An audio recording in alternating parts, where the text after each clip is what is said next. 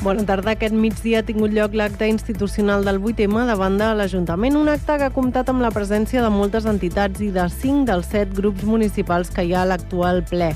Les úniques absències han estat del PP i de Vox. El manifest institucional l'ha llegit la directora de Teatre Sant Cugatenca, Dolors Vilarassau, Vilarassau perdó, però abans el comitè del 8M ha interromput l'acte per denunciar les males condicions laborals de les treballadores del servei de neteja dels equipaments municipals, un servei que el consistori té externalitzat.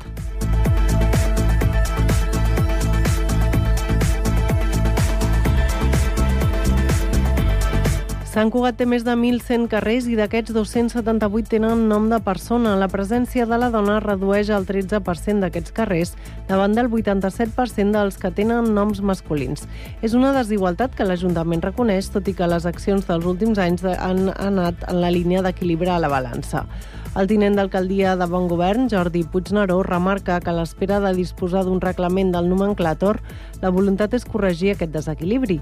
Puigneró també deixa clar que, tot i aquesta premissa, Sant Cugat es continuaran posant noms masculins als carrers. Ja es poden consultar les dates del període de portes obertes de les escoles Bressol municipals de Sant Cugat. Els centres Montserrat, Tricicle i el Niu seran els primers a donar la benvinguda a les famílies el 19 de març.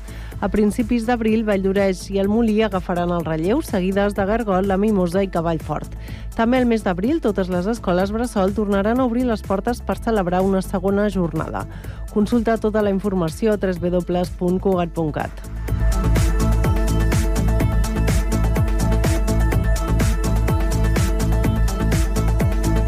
Grifols ha publicat aquest divendres al matí els comptes auditats per KPMG, segons ha explicat en un comunicat a la Comissió Nacional del Mercat de Valors. Segons la companyia, l'auditora ha donat el seu vistiplau sense excepcions. Grifols assenyala que s'ha inclòs la integració de la JB baixa amb Immunotech alineat el tractament comptable amb l'essència del contracte, que va ser modificat al juny de 2023. No obstant això, assegura que aquesta integració no té impacte en el balanç de pèrdues i beneficis ni en les mètriques clau en comparació amb els estats financers resumits consolidats del 2023 i publicats el passat 29 de febrer. I de moment això és tot. Moltes gràcies. Cugat Mèdia, la informació de referència a Sant Cugat.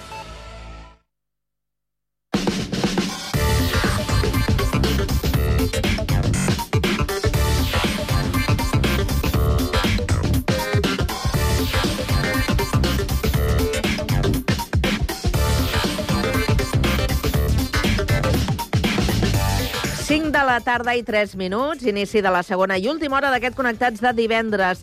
I anem amb la informació de servei. Comencem amb el trànsit. Eduard Sánchez, bona tarda. Hola, bona tarda. Doncs, eh, de moment, pel que fa a afectacions, parlem encara d'un parell de carreteres tallades per accident, una a la C51, a l'altura de Lió, aquí la via tallada en els dos sentits de la marxa, per un accident de fa una estona, i l'altra, la C35, ja des d'aquest matí, per un camió que s'ha accidentat a Massanet de la Selva, encara pendent de ser retirat, i de moment talla que estaria en aquest punt, es fan desviaments senyalitzats. Pel que fa al volum de trànsit, ara mateix, si més no, no és una tarda complicada, sí que hi ha molta latitud, per exemple, a punts habituals, com la P7 de Santa Perpètua, Barberà, en sentit sud, la C60 Argentona, tocant a Mataró, o també les dues rondes encara amb certa intensitat, sobretot en sentit besòs, també la C58 d'entrada entre Montcada i el Però vaja, si més no, tret d'aquest parell de vies tallades, de moment sense més afectacions importants. És tot, bona tarda. Gràcies i bona tarda, Eduard. Anem ara al Transmet per saber com està funcionant el transport públic. Albert Garran. Doncs en aquests moments podem parlar de normalitat a la xarxa de transport públic de l'àrea de Barcelona, on no hi destaquen alteracions significatives. Cal destacar que avui, 8 de març, amb motiu de la vaga general convocada, s'han establert uns serveis mínims al transport públic del 85%. En aquest mateix sentit, al llarg del dia hi ha convocades diverses manifestacions que poden afectar el servei de bus urbà i interurbà de manera intermitent de les línies que circulen pel centre de Barcelona. Ara sí, de moment això és tot des del Transmet.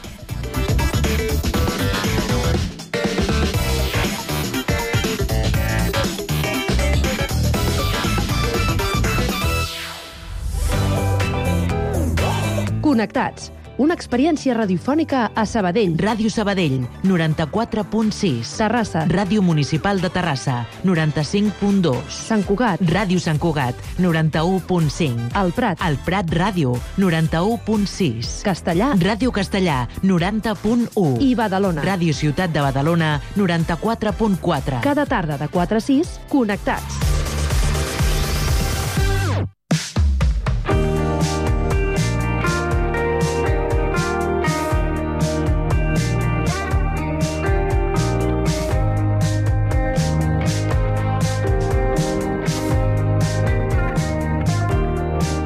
Publicista i comunicadora, la nostra convidada d'avui ha rebut aquest mes de febrer el Premi a millor esportista de la temporada 2022-2023 a Sant Cugat i ho ha fet en la gala dels Premis Esport en Marxa que organitza Cugat Mèdia.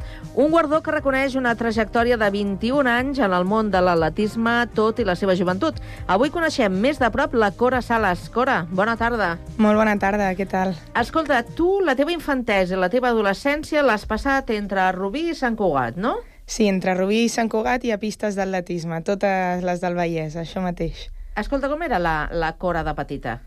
La Cora de petita, un nervi, un nervi, la veritat. O sigui, jo, si hi havia tres dies d'entrenament, potser m'acabaven portant el 5 a la pista i, i no parava, amunt i avall, i em coneixia la, tota la gent del, del club de, de Rubí perquè, perquè era casa meva, jo em passava to, totes les tardes. És a dir, que la teva relació amb el món de l'atletisme comença de molt petita. Comença molt petita. Havia provat altres esports, no m'havien encaixat, esports d'equip, fins i tot patinatge, però, però quan el meu germà Didac va començar a destacar l'atletisme, doncs eh, lo típic de germana petita el segueixes, eh, i vaig anar dos mesos més tard que ell i em, i em vaig enganxar igual que ell o, o més. I al final, mira, hem continuat els dos durant anys. Eh, tres germans sou. Som tres germans. El gran eh, té 11 anys més que jo i no està, no està vinculat a l'esport. Eh, Era, bueno, realment ell, ell és informàtic i s'ha mogut amb, amb altres eh, ambients. I és curiós perquè els dos germans, tu i el Didac, que eh, us heu decidit eh, pel, pel tema de l'atletisme, ho heu fet en disciplines que no són les més eh, comunes, és a dir, córrer és el més fàcil. Però vosaltres us heu dedicat tu al salt i el Didac al... A la perxa. A la perxa. Sí, els dos hem acabat fent disciplines de salt. Realment, eh, a l'atletisme i en l'esport en general acabes fent les disciplines que se't donen bé. Mm. Doncs justament ell va poder destacar el salt en perxa, jo vaig començar també a destacar en el salt de llargada, que són disciplines que requereixen doncs, potència, que, el, que els dos al final és el que tenim, velocitat i també tècnica, i, i és el que se'ns ha donat bé i també el que ens ha agradat, en conseqüència. Uh -huh. Unió Atlètica de Rubí, allà comences, has passat pel Muntanyenc, a Sant Cugat, per l'Igualada, pel Barça... Aquests han estat els teus clubs. Mm, com recordes el pas per cadascun d'ells? Doncs realment jo et diria que el, el Rubí va ser el club amb, amb el que em vaig començar com a enamorar de l'atletisme.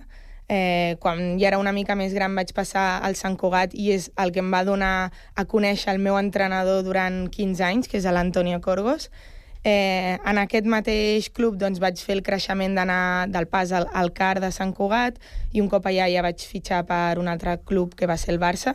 En aquell moment em, doncs, em va ajudar a competir a competicions de molt nivell i vaig gaudir moltíssim, però va arribar un punt que, que vaig decidir doncs, marxar amb un club amb una mica menys de pressió, també estava començant a treballar d'entrenadora i me'n vaig anar a l'Igualada, que també m'ho vaig passar molt bé perquè tenia molts amics allà, i jo crec que en conseqüència a gaudir tant de l'esport doncs va, vaig tenir molt bons resultats durant aquells quatre anys al, al Club Atlètic Igualada i estic molt agraïda per això. I ja finalment després vaig decidir tornar al, al Barça, uns altres quatre anys que vaig estar, i, i també molt contenta del tracte i de com m'han cuidat perquè justament va coincidir amb, amb les últimes lesions i vaig tenir la gran sort d'estar de, d'estar en el Barça que em va poder ajudar doncs, a, amb les operacions i en la recuperació. Mm. I amb què et quedes de, de cadascun d'aquests eh, passos per, per aquests clubs? Bueno, em quedo, sempre ho he dit, el, amb, amb la gent que, que he conegut a, a cada club i amb les persones que m'ha donat. Podria nombrar-te persones... És una de, llista, no? Sí, de, de cada etapa de la meva vida i a, això em pare ha sigut a, gràcies a, pues, a viatjar i a, i a passar temps amb, amb aquesta gent i m'emporto amb amics de, i amigues de, per tota la vida. Mm. L'estiu passat decideixes penjar les sabatilles. Sí. Per, per què? Bueno, eh, tinc 28 anys, que, tot, que podries dir, ostres, és jove, però he, he passat per dues operacions de turmells i per problemes de turmells durant tota la meva vida. Quan tenia 13 anys, que encara vull dir, estava a la Unió Atlètica Rubí, em va començar a fer molt mal un peu, um, després de diverses proves em, em van detectar bueno, que tenia una de les articulacions del turmell eh, que no funcionava amb normalitat perquè dos ossos estaven units. I, i que llavors sempre tindria com molèsties. A, a, en aquell moment em van dir que deixés l'atletisme i tot i així doncs, jo no, no volia. O sigui, a mi, jo, jo ja m'havia enamorat, enamorat, ja era tard. Van dir prova un altre esport sense impacte, natació o, o bicicleta. Dic, no, ja no hi havia manera. Jo dic, trobem la fórmula, però jo vull fer atletisme. Al final em van fer plantilles i, i el, aquest dolor no és que anés disminuint perquè ha seguit amb els anys, però és un dolor conegut i, i, i vaig poder doncs, passar el, tots aquests anys i fins i tot eh, anar saltant salt de llargada i en els, en, durant dos anys de la meva carrera esportiva vaig fer triple salt a nivell internacional, o sigui, em, estic molt, molt satisfeta en com va anar en, en aquest sentit i que els peus han, han aguantat molt, però evidentment ha- havia d'arribar un dia que, que ja no, no pogués, i sí que és veritat que els últims anys estava patint molt dolor als turmells, a sobre vaig tenir un accident saltant que, que em va fer que, que tingués encara més,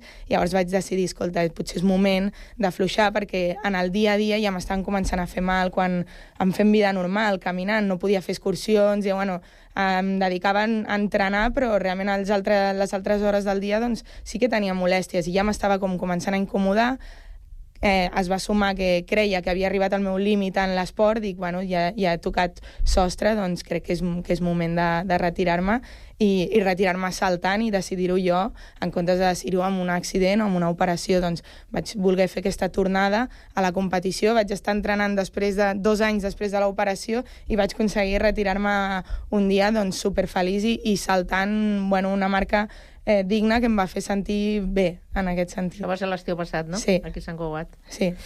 Eh, ara practiques esport? Sí, practico esport. Ai, ai, ai. No, era, era inevitable, però vaig, vaig buscar realment doncs, provar de fer esports diferents. Mai havia fet un esport de- d'equip i mai m'ha- m'havia ni donat l'oportunitat. I, I com jo treballo fins les 9 perquè sóc entrenadora, doncs esports d'equip que entrenin a partir de les 9 vaig trobar per al, al Mirasol Baco, que fan Això és futbol? futbol femení. Sí, Ai. i, i vaig anar a provar futbol. Eh, evidentment, jo havia fet atletisme eh, que entrenàvem moltes hores i a sobre les competicions era bueno, molt d'impacte pels turmells. Evidentment, fer futbol potser no és la millor idea pels meus turmells, però eh, tampoc és tanta càrrega d'entrenament, ho combino amb entrenament de força que faig pel meu compte i de moment està funcionant, m'ho estic passant molt bé i estic aprenent molt d'un altre món totalment a part de, del, que, del que estava jo. Si et dic que has fet una parayuelo, ja m'agradaria. et sona? Sí, sí que em sona, sí que em sona. Perquè m'han dit que marques gols. Algun, algun, bueno, m'han posat de davantera, que, que clar, no hi ha un altre. Si de davantera no marco gol seria ja complicat, però no, sí, sí, la- i m'estan cuidant moltíssim i m'estan ensenyant i tenen molta paciència amb mi perquè de veritat que vinc d'un altre món i que, i que em costa a vegades entendre les coses perquè, perquè al final tampoc és que hagi vist molt futbol en la meva vida. Jo sempre he sigut molt fan de l'atletisme, però estic com obrint el meu horitzó, en Mm. aquest sentit. Eh, ara comentaves que fas d'entrenadora de... Faig d'entrenadora. D'atletisme. d'atletisme i porto la- l'escola d'atletisme del Club Muntanyenc Sant Cugat. Faig d'entrenadora de diferents grups, des de sub-14, sub-16 i el grup de velocitat, juntament amb, amb el meu company Guillermo López, portem atletes de categoria sub-16, sub-18, sub-20 i absoluta. O sigui, realment entreno gent que potser és eh, 3 anys més jove que jo. O I com se't dona? Bueno, mm, no sé com se'm dona, però m'agrada moltíssim. O sigui, realment gaudeixo molt i és el que intento transmetre als atletes des de, des de petits fins a, als més grans i, i m'ho passo molt bé i intento que la gent doncs, també s'ho passi igual de bé que jo. Mm. Com portes un dia com el d'avui, un 8M? Un 8M? La meva reivindicació és treballar i, i perseguir doncs, fent el que faig en el meu dia a dia. Trobo que això no és només un dia, sinó tots els dies de l'any. I, I jo em considero una dona treballadora 100% i, i així ho he demostrat sempre, sense pensar en cap moment que hi hagi diferències i, i, i bueno, estic satisfeta amb això, realment. T'has sentit discriminada en algun moment en el món de l'esport? En, en el món de l'atletisme som molt, molt afortunades. Eh, sobre, sí que a, en, en el tema d'atletes, eh, et diré, en el tema d'entrenadores, evidentment, he tingut molt poques referents i, i per això una de les meves raons per ser entrenadora és dir, ostres, eh, això ha de créixer. Necessitem més entrenadores a, en aquest món i gent que, que s'hi dediqui amb, amb la mateixa passió que, que ho fan a, als homes. I, i, I les dones també ho saben fer i també ho fem però per alguna raó no hi ha gairebé representació de dones entrenadores, sobretot a nivell professional. A nivell d'escola sí, però quan, quan la implicació eh, va, va augmentant, doncs hi ha menys representació. Llavors, un, una mica la meva reivindicació és intentar fer créixer aquest percentatge. I si parlem dels teus èxits esportius, de, de, de quin tens més bon record? Quin és aquell èxit que, ostres...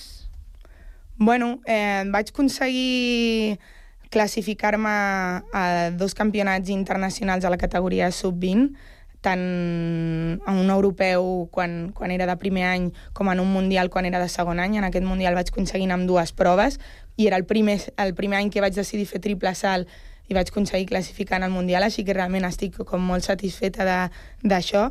I després de la meva marca personal, a vegades hem parlat amb el meu entrenador de que ell mateix i jo eh, creiem que, ostres, m'havia exprimit al, al 100%. O sigui, realment vaig aconseguir saltar tot el que hi havia a les meves cames i sobretot els meus peus, perquè amb tots els antecedents que tenia, doncs, eh, en aquell moment va ser el rècord de Catalunya absolut i que posteriorment el va fer la, la Maria Vicente, que aquesta setmana bueno, és una atleta internacional que ara és, és basca perquè està vivint allà de fa un, un temps, però quan era aquí catalana, eh, cada cop que jo feia un rècord, doncs potser ella el feia després, perquè és una atleta boníssima de nivell eh, de medallista internacional. Llavors, jo crec que a, aquestes fites són la, les que més satisfeta estic de, de tota la carrera esportiva. T'ha quedat algun somni per complir? Un somni, bueno, evidentment, tot atleta en algun moment, eh, quan som joves sobretot, eh, i quan millorem cada any, doncs pensa, si segueixo amb aquesta projecció, eh, seré internacional absoluta amb europeus, mundials o fins i tot uns Jocs Olímpics. En algun moment tothom s'ho planteja, quan ets, quan ets jove, et dic, i vas millorant tant, llavors, evidentment, sempre hi ha somnis i he, he arribat a somiar moltíssim, però tot, tot i així no, no aconseguir-ho no és algo que m'hagi frustrat ni m'hagi deix, deixat fora de, de seguir entrenant en el dia a dia. Així que, que sí, hi ha somnis que, que no he complert, però, però bueno, és normal, és el que hi ha. Mm -hmm. eh, professionalment, eh, t'has format eh, per fer publicitat i relacions públiques? Això mateix. Què és el que t'agrada d'aquest món? Bueno, jo sóc una persona molt comunicativa, o sigui, sí, m'ha agradat sempre el tema de la comunicació, tot i que quan, quan vaig fer batxillerat eh, i havia de decidir la carrera, jo, jo havia fet el batxillerat científic, en cap moment em vaig plantejar doncs, tirar per, per aquesta branca.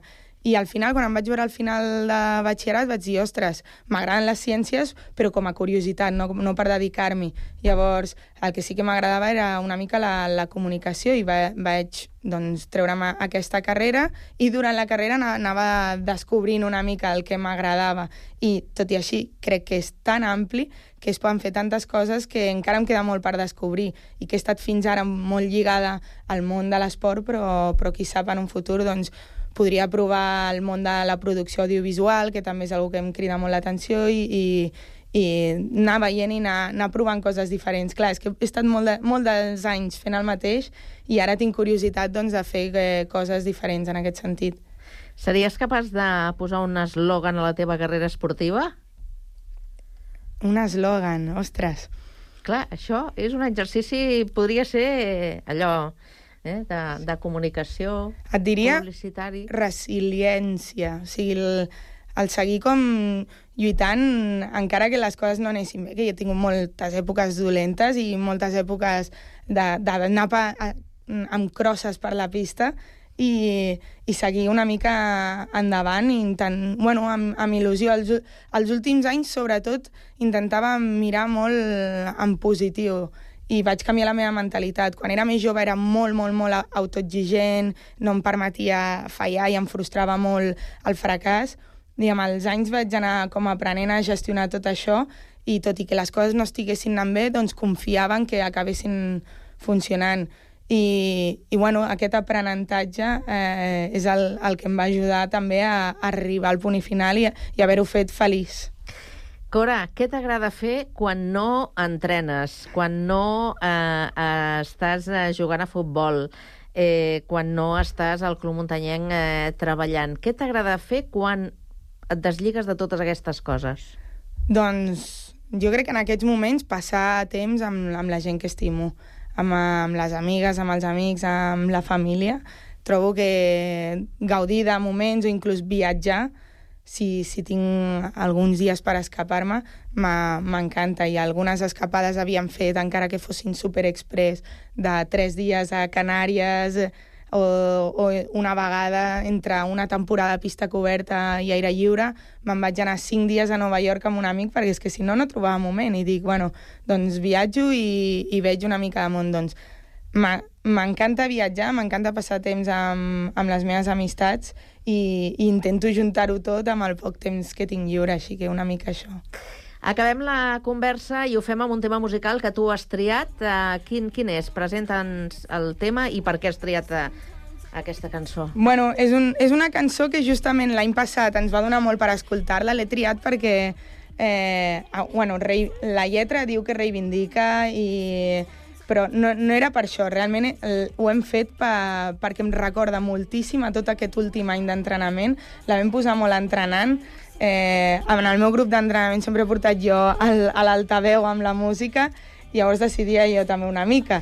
I, i en conseqüència, doncs, l'any passat aquesta cançó li agradava molt a, també a tothom i l'acabàvem posant quan volíem motivar-nos per fer un salt, un salt llarg o per treure el millor salt de, de l'entrenament, doncs posàvem aquesta cançó i em recordarà sempre, en conseqüència, a, a tot aquest final. Paper Planes de, de Mia. Sí, això mateix. Us aconsello que busqueu a, a aquesta cantant perquè té una història al darrere. Sí, i, i també la... Superinteressant. Bueno, va sortir, és la banda son, sonora de la pel·lícula, bueno, una, surt aquesta cançó a la Slamdog Millionaire, que és una pel·lícula que a mi m'encanta també. O sigui, la vaig descobrir, aquesta cançó, gràcies a aquesta pel·lícula, i, i en part, bueno, em porta molt, molt bons records. Eh, Cora, eh, escoltem aquesta proposta musical teva i t'agraïm moltíssim que avui ens hagis visitat al Connectats. Que vagi molt bé. Moltes gràcies. Una abraçada. Adéu, una abraçada. Already going hell, just pumping that gas.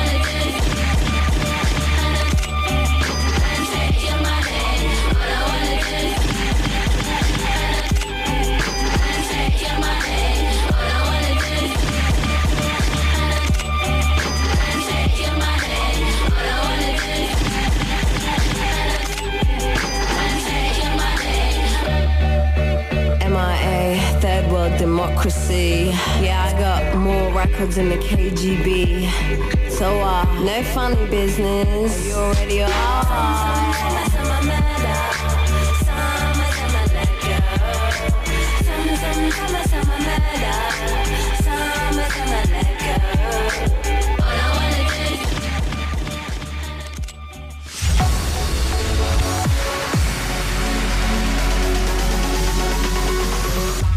Connectats a les xarxes.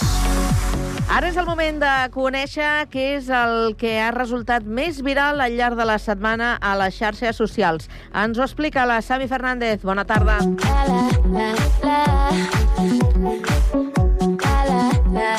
Bona tarda, Carme, i feliç Dia de la Dona.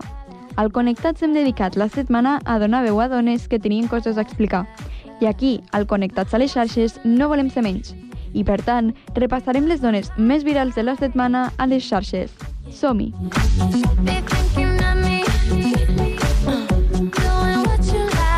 Respecte als guardons, Ana Peleteiro és la més destacada de la setmana. Pues la verdad que yo creo que es como ganar otra vez como una primera medalla. O sea, mm, recuerdo mi primera medalla internacional absoluta que fue en Birmingham, en un mundial también, con muchísimo menos nivel. Y recuerdo la mm, adrenalina que sentí en ese momento y fue un poco pues lo mismo, pero sintiéndome mucho más acompañada. L'atleta, amb una marca de 14,75 metres, va aconseguir la medalla de bronze en triple salt en els Mundials d'Atletisme de pista coberta en Glasgow, Escòcia. Feia un any que estava apartada de l'esport per la maternitat, i tot i això, i just 5 anys després de proclamar-se campiona d'Europa en la mateixa pista, els Emirates d'Arena, va tornar a pujar al pòdium com a tercera finalista. que una mujer puede ser madre y que con esfuerzo, por supuesto, que es muy dura la, la maternidad y la conciliación sobre todo, eh, se puede continuar teniendo objetivos, luchando por tus sueños y trabajando, ¿no? Al fin y al cabo, yo siempre lo digo, depende mucho del equipo que te acompañe porque es esencial, pero ah, yo desde que me quedé embarazada me gustó visibilizar que es posible, quise mostrar cómo iba a ser mi camino, la verdad que pensaba que me iba a costar más, pero, pero bueno, hoy estamos aquí 15 meses después de la luz I per si semblava poc, l'Anna també va assolir la mínima olímpica del triple salt, que estava en 14,55 metres, per anar als Jocs Olímpics de París 2024. Esperem que allà obtingui la seva sèptima gran medalla internacional. Hi. Um, look, I, I just want to say, when I was about 16, 15 years old, I wanted to be an R&B artist. Uh, that's what I would say. Uh, this really is a lot, uh, but thank you so much. Um, thank you. Raye es va convertir en la gran guanyadora dels Brit Awards 2024 en guanyar 6 premis, els mateixos que va assolir David Bowie en tota la seva carrera. Per qui no conegui els Brits, són premis anuals a la música pop britànica i My 21st Century Blues, el disc de Raye i Escapism, cançó d'aquest, van arrasar la nit del passat dissabte. Recordem que aquest artista portava anys treballant a la indústria, però no va ser fins a la viralització de la seva cançó TikTok que no va començar a tenir èxit. A little context if you care to listen. I find myself in a shit position. The man that I love sat me down last night and he told me that it's over, done decision. And I don't wanna feel how my heart is ripping. In fact, I don't wanna feel, so I stick to sipping. And I'm out on the town with a simple mission. In my little black dress and the shit. La Dua Lipa va ser una altra persona destacada de la nit, presentant el seu nou èxit, Rainy Season, i va presentar el premi homenatge a la Kylie Minogue.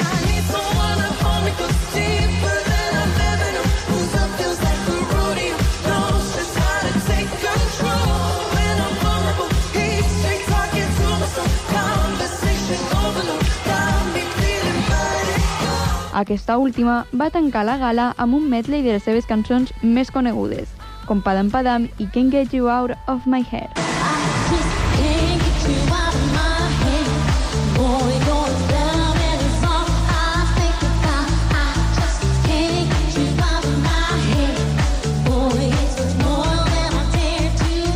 Una altra reina del pop que ha tornat a aparèixer a un escenari ha sigut la Rihanna, però per una ocasió molt especial. I'm here tonight in honor of Anat Araraki. Thank you for having me here. God bless your union. I wish you all the best. Congratulations.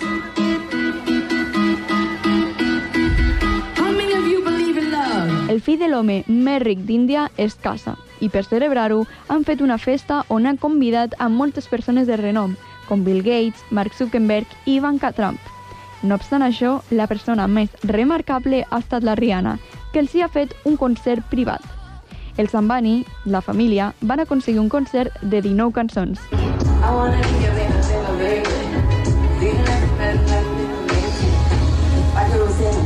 I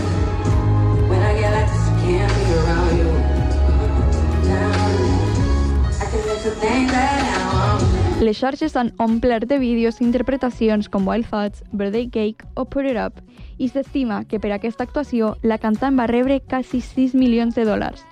Així que no m'estranya que decidís tornar a cantar per una nit. Canviant el to del programa, aquesta setmana s'ha estrenat Hashtag no estàs sola a Netflix, un documental que repassa un dels esdeveniments més mediàtics a Espanya, el cas de la manada. Estaba ahí sentado un chico y me dijo, ¿has venido tú sola? ¡Viva San Fermín! Hola, Sos.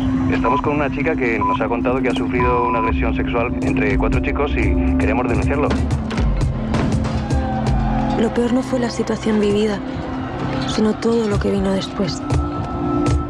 No pensé que iba a ocurrir lo que ocurrió. Al ser tan sonat, és molt fàcil que les històries es facin borroses. I per això, l'objectiu del documental és narrar aquella fatídica nit amb la participació d'una vintena de persones que van tenir algun tipus de relació amb el cas, com agents de policia, periodistes o treballadors socials. Tatuajes en la tripa. Tres de ellos llevan barba. Es como buscar una aguja en un pajar. Las grabaciones eran 96 segundos. A mí me impresionaron, sí. A mí sí me impresionaron. Encara que la manada sigui el focus de l'audiovisual, també s'entrellaça unes altres dues històries relacionades. El Pozo Blanco, com es coneix l'agressió sexual a una jove que van cometre quatre dels cinc membres de la manada, i l'assassinat de la Nagore Lafaje, una jove que va ser brutalment assassinada per Diego Llanes en els Sanfermins de l'any 2008. Les xarxes han aplaudit el treball fet i van fer tendència el hashtag del documental. Ya sabemos que no nos crees y ese es el problema. Que un abogado de la defensa tuviera tantísima voz, ¿tiene sentido?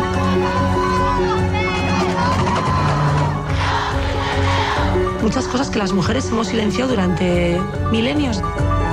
No os quedéis callados.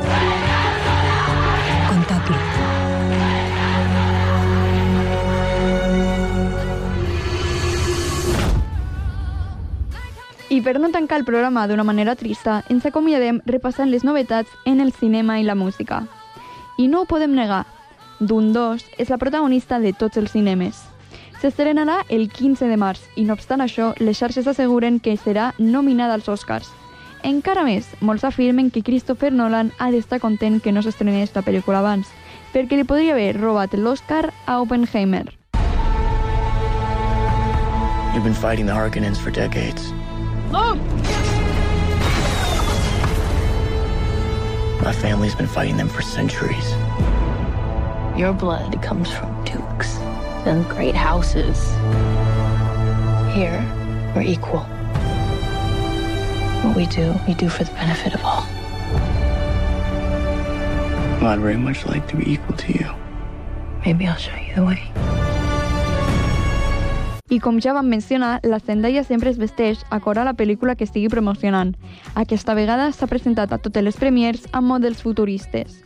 I una altra persona futurista va ser l'escriptora d'un fanfic del Harry Styles, perquè sense saber-ho, set anys després, es convertiria en una pel·lícula protagonitzada per l'Anne Hathaway. We need to know the story. We met at Coachella. Hi. Hi. This is your trailer? Yeah, I'm in the band. We're performing on the main stage. August Moon? Yeah. I met someone tonight. I feel a little inspired. This one's called Closer. Bé, l'autora nega que es tracti del Harry Styles. Només diu que un vídeo de l'artista la va inspirar. Però la història diu una altra cosa. Solent, una dona de 40 anys, porta la seva filla a Coachella i allà coneix el seu nou romans, Ice Campbell, el líder de la banda musical August Moon. What about what people will say? I don't care what they say. We're gonna dance before we walk out the morning. We're gonna dance before we walk. What you gonna do? What you gonna do? And no, my being happy would piss so many people off. Did I not warn you? People hate happy women. Per qui estigui interessat, la pel·lícula s'estrena el 16 de març. I finalment, Eternal Sunshine, el setè àlbum de l'Ariana Grande, ja està disponible a totes les plataformes. L'artista ha descrit l'àlbum com una espècie d'àlbum conceptual que té diferents peces realçades de la mateixa història. I amb el primer single de l'àlbum, anomenat Gescent, ens acomiadem. Fins aquí el Connectats a les xarxes de la setmana. Espero que passeu un bon dia escoltant l'àlbum i recordem de cuidar-nos entre nosaltres, noies. Ens escoltem a la propera.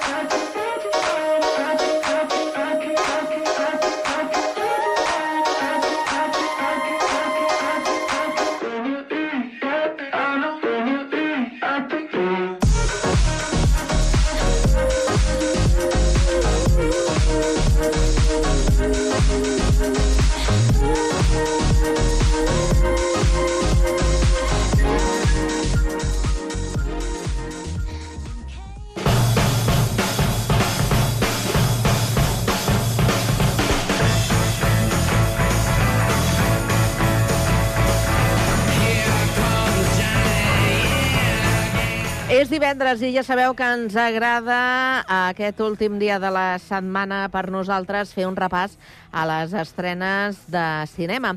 Anem a repassar la cartellera per saber com queda per aquest cap de setmana, com sempre ho fem de la mà de Jordi Guillem i Sergi Estapé. Bona tarda. Bona tarda. Doncs, eh, efectivament, estem amb el Jordi Guillem. Què tal, Jordi, periodista de Diari de Terrassa, el nostre cinèfil. Què tal? Bona tarda. Molt bé, bona tarda. Comencem.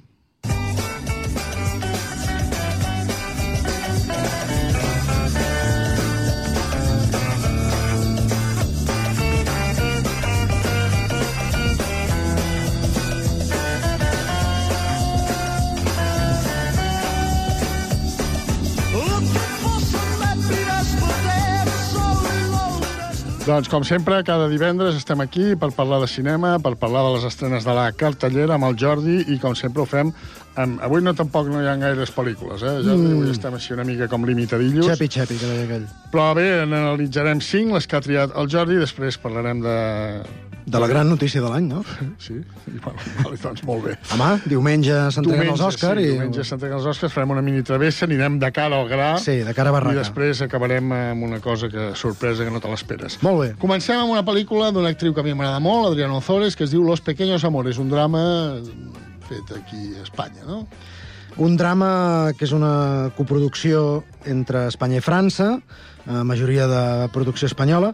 Està, ha participat al, al Festival de Màlaga, que s'acaba aquest cap de setmana, i bé, és una pel·lícula interessant, sobretot pels actors. Eh, Maria Vázquez és la protagonista, va estar nominada als Goya, recordeu, i Adriana Ozores, també és un, una de les actrius importants que hi apareixen, a banda d'Aimar Vega, eh, Blanca Pilánez i el català Ferran Ranyer. Ferran Ranyer, sí, avui Sí, és... l'han recuperat una mica. Uh, ens explica, és una història dirigida per una dona, la Celia Rico, i ens parla de la relació entre una mare i la seva filla. Uh, la mare es, ha d'anar, uh, ha de passar l'estiu amb, amb la filla, un estiu molt calorós. Té un i- accident, eh? Sí, sí. Semi-spoiler, la, la mare... Avui té- el fas tu, l'espoiler. Sí. sí, la mare té un accident i la filla l'ha d'anar a ajudar, diguéssim, i les circumstàncies fan que les dues hagin de passar moltes estones juntes i a partir d'aquí, doncs... Eh... Hi ha tot el follon. No, un follon No, no, follon és, vull dir que ha- la, la relació, sí, no? es, es retroben, a vegades passa que amb els pares no tens tot el temps que voldries per, per parlar-hi, i aquí es dona la circumstància de que tenen temps per explicar-se les coses, i és una pel·lícula, com dic sempre, eh, els que esperin focs artificials i morts i... Eh, vamos, Joe, corre, Home, jo crec això, que ja s'ho no, imaginen, eh? Sí, sí. Amb els pequeños amores. Los Escoltem- pequeños amores. Escoltem un, una mica, va. Vinga. ¿Cómo se te ocurre ponerte a pintar ahí fuera con una escalera? Es que no entiendo por qué no llamas a un pintor. Porque son unos careros. Pues se le paga y ya está, como hace todo el mundo.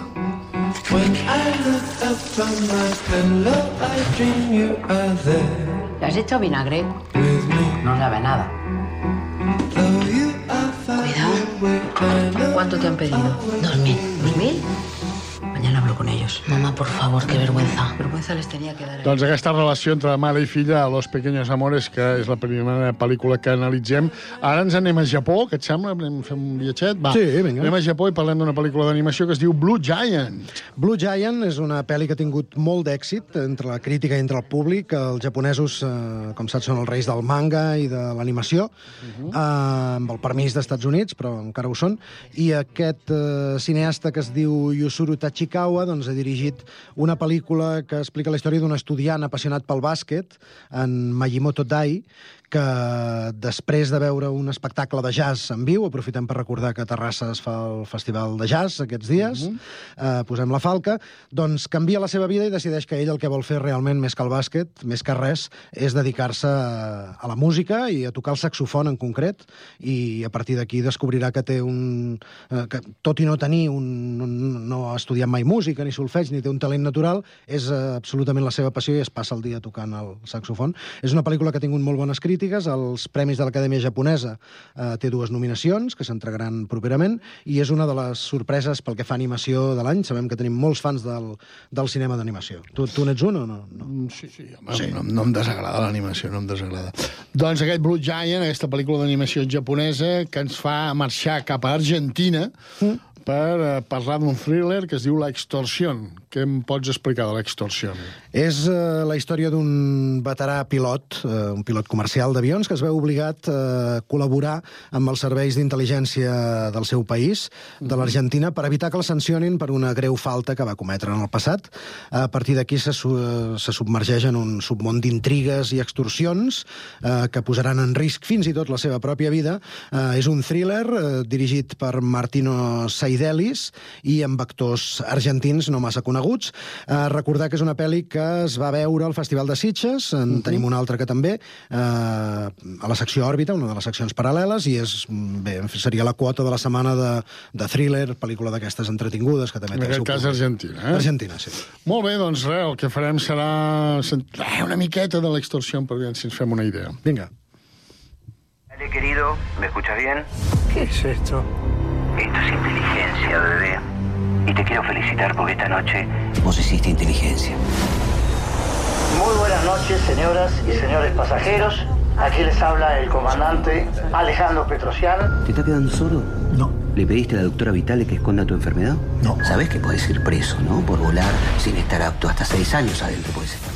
Doncs aquest thriller eh, fet a Argentina, aquesta l'extorsió sobre un pilot comercial al qual doncs, eh, comencen a passar cosetes perquè va fer una cosa que no havia d'haver fet. Escolta'm una cosa, ens anem als Estats Units, és l'única pel·lícula d'aquest eh, país que avui analitzarem, és un documental... De fa 40 anys? De, sí, exacte, m'has fet spoiler ara. Stop, Stop Making Sense, que eh, no sé, és l'any 1980 què? 1984. 84. Fa, fa exactament 40 anys, d'aquí la 40 anys. reestrena.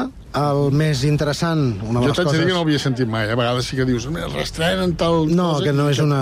En aquest cas no... És, és l'hem portat pel... Això no vol dir que no sigui que tingui qualitat. No, no, segur, segur que la té, perquè més el director és Jonathan Demme, el director de El silencio de los corderos, entre d'altres, i ell va començar fent, fent documentals eh, de música, i en aquest cas doncs, es va dedicar a enregistrar eh, de, de, tres concerts durant tres nits del grup de Nova York, del grup de rock, de punk, també, els Talking Heads. Eh, va utilitzar set càmeres i els que l'han vist eh, diuen que és un dels grans docu dels documentals imprescindibles sobre música. També és Ah, un subgènere interessant.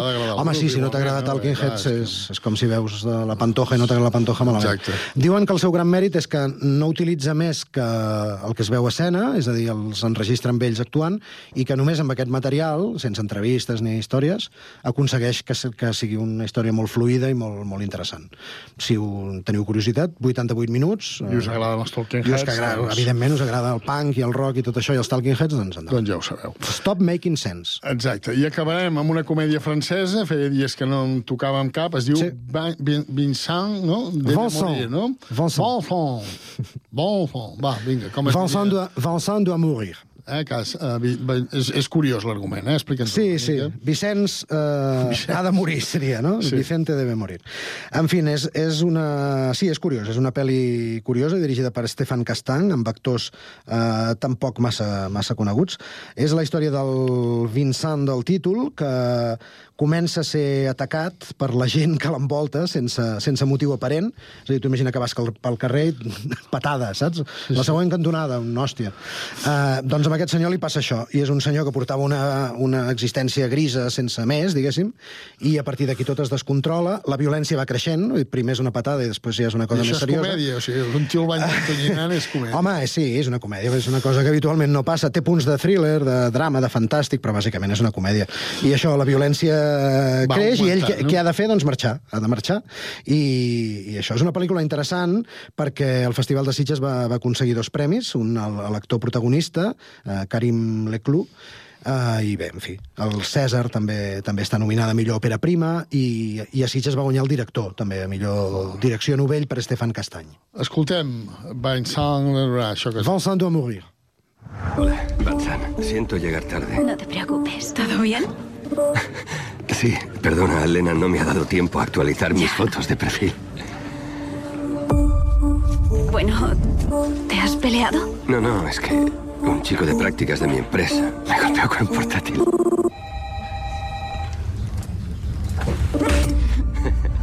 ¿Lo dices en serio? Sí, va en serio. Y luego nuestro contable comenzó a clavarme bolígrafos. Déu-n'hi-do, si ho escolteu no ho poseu a la pràctica, eh? Si No, esteu a la no. feina, no comenceu a clavar bolígrafs No feu, ni no estampeu els portàtils a la cara dels companys. Molt bé, doncs fins aquí les pel·lícules que analitzem, però també s'estrena una pel·lícula d'animació feta als Estats Units, que és la quarta part ja de Kung Fu Panda, una comèdia espanyola que només perquè hi ha José Mota ja no hi aniré, que es diu Portos Muertos, La bèstia en la jungla, un drama fet a França, Uncancelled, una comèdia d'Austràlia, i un drama fet a Espanya que es diu Zarata. I anem al uh, intríngulis de la, de la secció d'avui, que és fer una mica eh, ràpidament, eh, sense gaire... Una cosa ràpida, sí. Una travessa que fem... Del... Sí, aquelles coses que ens agrada fer. Doncs vinga, comencem per pel·lícula. Primer dir que els Oscars eh, són la, la 96 edició, és diumenge, a Los Angeles, a Hollywood. Eh, La cerimònia enguany, pels que us quedeu a veure, que sapigueu que mm, comença una hora abans, en Ja vez de les dues, ràpid. és a la una, i per tant, en fi, no, no us haureu de, no de dormir tan tard si la voleu veure. Uh, comencem per les 10 millors pel·lícules, a la categoria millor pel·lícula, els darrers anys sempre n'hi ha 10, abans eren 5. Doncs mira, aquest any són... Uh, tenim American Fiction. Uh, te'ls comento una mica? O... No, no, tira, tira, home, American no, Fiction, la, la teniu a Amazon, molt interessant, no passa per sales. Anatomia d'una caïda, pel·lícula francesa de Justine Triet. Barbie, de Greta Gerwig. Los que se quedan, d'Alexander Payne, amb Paul Giamatti. Los asesinos de la luna, de Martin Scorsese. Maestro, de Bradley Cooper, la teniu a Netflix, entre d'altres. Oppenheimer, de Christopher Nolan. Vides passades, de Celine Song, una meravella. Pobres criatures, de Yorgos Lantimos, el cineasta grec. I La zona d'interès, del britànic Jonathan Glazer. D'aquestes... Què diries? Brr, Està molt complicat aquest any, eh? Diuen, si hem de ser... Si no hem d'arriscar, diguéssim, la cosa estaria entre Barbie i Oppenheimer. Jo crec que guanyarà Oppenheimer. I m'agradaria molt que guanyés eh, la pel·lícula japonesa, en fi, ambientada al Japó, Vides passades, una pel·lícula entre Japó i Estats Units molt interessant. Si tu dius Oppenheimer, jo... Què, què has dit, aquesta japonesa? No, no, no japonesa, eh? està ambientada als Estats Units, però els protagonistes són d'origen japonès, es diu Vides passades. La Va, doncs jo poso aquesta, que no guanyarà. Sí? Vinga. Sí, jo volia posar els assassins de la Luna, però com que et veig que no... Jo... Va, Aquest vinga, any he estat a punt de, director, com, de complir un somni, que és veure-les totes. Les he vist totes menys una. Va, per tant, l'any que ve, l'any que ve. L'any que ve ho aconseguirem. Director, eh, aquí ja passem a 5. La francesa Justine Triet per Anatomia d'una caïda, Christopher Nolan per Oppenheimer, Jonathan Glazer per La zona d'interès, Martin Scorsese per Los asesinos de la luna i Yorgos Lantimos per Pobres criatures. Va, jo m'avanço Martin Scorsese. Martin jo. Scorsese. Bueno, és més que res per, per purament... Per jugar una mica, no? Sí. Per... Vale. Jo, Christopher Nolan per Oppenheimer. Molt bé. Què més? Actor... Millor actriu principal, Annette Bening per Nayat, Sandra Hüller per Anatomia d'una caïda, Kerry Mulligan per Maestro, Lily Gladstone, Los asesinos de la luna i Emma Stone per Pobres criatures. Jo sóc molt d'Annette Bening, per Sí? tant, ho tinc clar. Niat. Uh, aquí jo, jo, es diu que està entre Lily Gladstone i Emma Stone, jo apostaré per Emma Stone per Pobres criatures, una pel·lícula notable. Molt bé, bona actriu, també. Uh, exacte. Millor actor principal, Bradley Cooper per Maestro, Paul Giamatti per Los que se quedan, Jeffrey Wright per American Fiction, Colman Domingo per Rustin, la teniu a Netflix, i Cillian Murphy per Oppenheimer. Jo, Cillian Murphy. Uh, Perquè jo... m'agrada molt uh, Peaky Blinders, eh? Sí, no? Sí, no, no és un gran actor, té moltes possibilitats, però jo apostaré aquí per uh, Jeffrey Wright, l'actor de- d'American Fiction. Tenim temps per més o vols que anem Sí, ja sí, sí, directament? no, va, digues, anem fent, eh? Vinga, uh, tenim millor guió adaptat, uh, Cord Jefferson per American Fiction, Christopher Nolan, que dirigeix també i, i escriu Oppenheimer, Jonathan Glazer, La zona d'interès, uh, Greta Gerwig i Noah Bauman per Barbie i Tony McNamara per Pobres criatures. Mm, aquest, el McNamara. El McNamara. Jo, Christopher Nolan per Oppenheimer, que crec que serà la, la guanyadora de la nit. Tenim també eh, pel·lícula internacional, que és una categoria en la que estarem molt pendents, perquè, òbviament, hi participa, eh, com sabem, J. Bayona, amb la Ja seva apuntat, pel·lícula eh, La Societat de la Nieve, de la ja Nieve. apuntat, sí. Eh, tu postes per aquesta, Sí. entenc. Eh, tenim també Yo Capitano, La Societat de la Nieve, eh, La Zona d'Interès, eh, la pel·lícula alemanya eh, sobre aquella, com es deia, classe... Uh, en fi, no em surt el nom. La... Malament. Sala de professores, ah, perdó, sala de professores. I per quina apostes? Uh, jo, clarament, per la Societat de la Nieve. Home, però si fem el serà- mateix, Ja, però, home, és que... no podem desempatar. Esperem. Recordem que també està nominada en millor Muy maquillatge, mal. amb dos uh, professionals de l'ESCAC de Terrassa que opten també el segon, el segon Goya, el primer uh, van optar bé, no ells, la pel·lícula, per uh, Va, una última ràpida. Última, Última ràpida. Que tu consideris que... Uh, mira, podríem fer... Uh, què podem fer? El... Ràpida i Mi millor cançó, va, que són pel·lícules que no, no són massa habituals. Millor cançó tenim uh, Diane Warren per The Fire Inside, Uh, és una, una pel·li que es diu La història de los chetos picantes. Val, tira. Uh, la de Barbie, Mark Ronson i Andrew Wyatt per I'm Just, I'm Just Ken.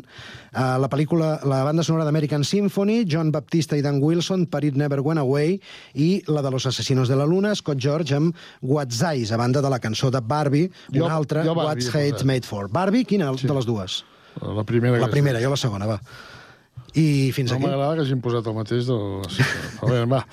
Molt bé, doncs marxarem. Saps qui fa 4 anys que va morir, avui? Exactament, No. un 8 de març eh, de 2020. Doncs, Un músic. Amb 90 anys va morir Max Bon. Home. Sidó, l'actor uruguai, va morir a la Provença, a França.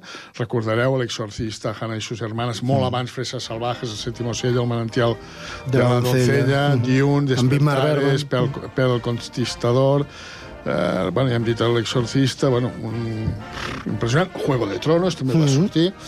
Doncs marxarem amb la banda sonora original d'una de les pel·lícules que també va sortir, que és Evasió Victòria, Ah, home. de 1981. Aquella del Pelé, no? Sí, una Mhm. música de Bill Conti. Doncs res, recordem aquest gran, gran actor, Max von Sydow, un actor suec, que fa 4 anys que ens va deixar. Fins la setmana vinent. Fins la setmana vinent analitzarem els Oscars. Bon cinema, sigueu feliços.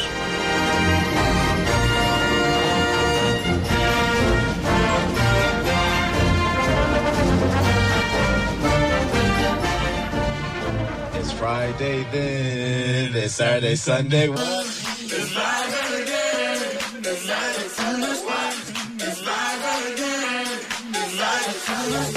Tram final d'aquest Connectats de divendres amb les propostes de cap de setmana que us fem arribar des de les diferents emissores. I comencem per Terrassa, que just acabem de saludar en Sergi Estapé. Bona tarda de nou, Sergi. Bona tarda a Terrassa, avui a les 8 del vespre i a la Factoria Cultural, concert per a piano de Chopin a càrrec de l'Orquestra Simfònica del Vallès. Dissabte a les 12 del migdia i en el marc del Festival Jazz Terrassa, aperitiu musical amb l'Absons Trio, que presentarà el seu disc Històries del Sul a la Biblioteca Central de Terrassa. Gràcies, Sergi. Anem amb les propostes de Sabadell. Pau Duran. L'Antonot s'ha primat i ho vol celebrar. La bèstia de foc de les forques de Can Déu presenta la seva rèplica lleugera aquest dissabte. Després d'un procés de restauració, l'original, la còpia i els dragonets foc i forca estan preparats per assumir cadascú la seva funció. A les 4 de la tarda, plantada a la plaça de l'Ajuntament. A les 6, l'Antonot original s'acomiadarà amb un recorregut en percussió i a dos quarts de vuit es presentarà la rèplica de l'Antonot al mateix lloc en posterior passejada. Gràcies, Pau. Anem a conèixer el més destacat de l'agenda de Badalona. Santiago Espasa, bona tarda de nou. Bona tarda de nou, Carme. Doncs aquest cap de setmana, el dissabte a les 12 del migdia, arriba al Centre Cultural L'Escorxador la dansa metropolitana amb dues actuacions. Més tard, a les 8 del vespre, al Teatre Zorrilla, el coreògraf francès Abderzak Umi presenta el seu darrer espectacle, Ja Plus de Zo. I a les 10 del vespre, la sala Estraperlo s'omplirà de rumba amb Pirates Room Versions. Pel que fa al diumenge, a dos quarts de vuit del vespre, el Círcul, dins del cicle Enjoy the Silence, acollirà el concert de Sergi Carbonell, el que fou teclista del grup Charango. Gràcies, Santiago. I què ens proposen des del Prat de Llobregat? Jonathan Marín, bona tarda. L'agenda per aquest cap de setmana al Prat arriba carregada de propostes culturals, gastronòmiques i fins i tot mediambientals. El dissabte, el Consorci per a la Protecció dels Espais Naturals del Delta del Llobregat organitza de 8 a 11 del matí una sortida per observar aus aquàtiques. També el dissabte al matí, l'associació GATS organitza una nova edició del Festival de les Sopes del Món, un concurs gastronòmic que té per objectiu promoure el coneixement i la relació entre el veïnat de diferents cultures. I un dels plats forts del cap de setmana serà la trobada de gegants Delta Prat, que celebra el seu aniversari dissabte a la tarda i diumenge al matí amb una diada gegantera. Gràcies, Jonathan. Anem ara amb les propostes de Castellà del Vallès. Jaume, Claque... Jaume Clapés, bona tarda. Bona tarda. A Castellà, l'acte central per commemorar el Dia Internacional de les Dones serà el podcast Parlem les Dones. El programa serà en directe i obert a la ciutadania, a càrrec de diverses dones escollides de la vila i inclourà la lectura del manifest. Us esperem a dos quarts de vuit a la sala de petit format de l'Ateneu. Gràcies, Jaume. I ara és temps per a les propostes de Sant Cugat. Sami Fernández, bona tarda. Bona tarda, Carme. Avui, divendres 8 de març, a les 10 i mitja de la nit, a la sala El Siglo Mercàntic es farà un concert tribut a la banda La Oreja de Van Gogh. La reina del pop farà reviure les melodies d'ambdues èpoques de la banda, quan estava al capdavant la Maya Montero i actualment amb la Leire Martínez. L'entrada és de 17 euros. El dissabte 9 s'inaugura el Parc del Passatge Freixes de la Floresta. Es faran activitats per als infants dinamitzades per l'agrupació Escolta la Floresta, per donar a conèixer el resultat del projecte. Ho organitza l'Ajuntament a les 5 de la tarda. I finalment, per tancar la setmana, el diumenge es donarà pas a les visites de la Masia Torreforta. Es podrà accedir únicament pel camí de Can Borrell i el Corriol des del Pi d'en Xandri. L'entrada és gratuïta i si voleu una visita guiada es fan tres, a les 11, a les 12 i a la 1 de la tarda.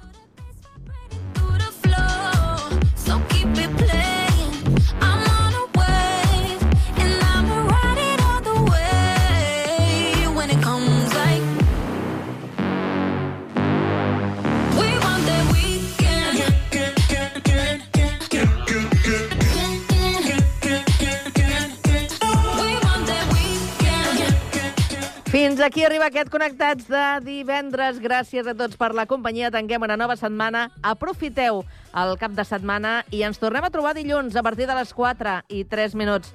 Fins aleshores, acabeu de passar molt bona tarda. It's Friday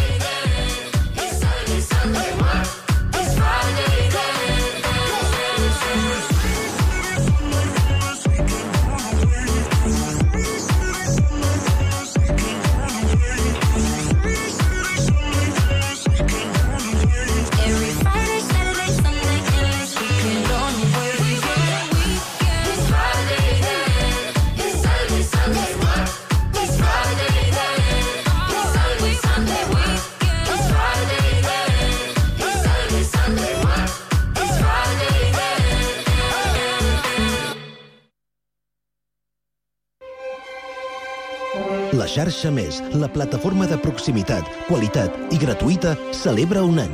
Un any amb tu, gaudint dels podcasts i continguts de més de 30 televisions locals, esports, castells, documentals, tradicions, cultura popular, podcast i molt més on vulguis i quan vulguis. Entra a la xarxamés.cat i descarrega l'APP. La xarxa Més. Un any amb tu.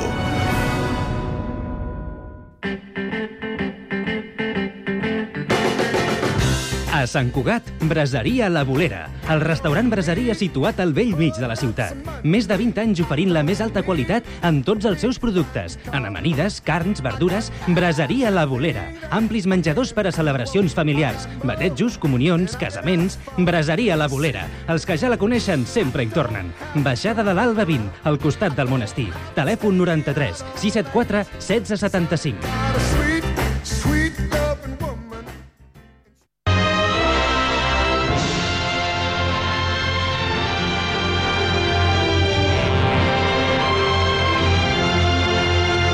Cinema a la xarxa, com el seu nom indica, és un programa de cinema, però no és un informatiu de cinema. Cinema a la xarxa parla de la vida i el cinema reflecteix la vida.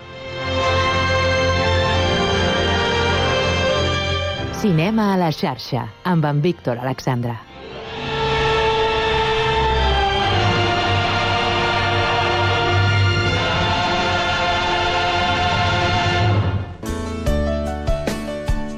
Ràdio Sant Cugat. www.cugat.cat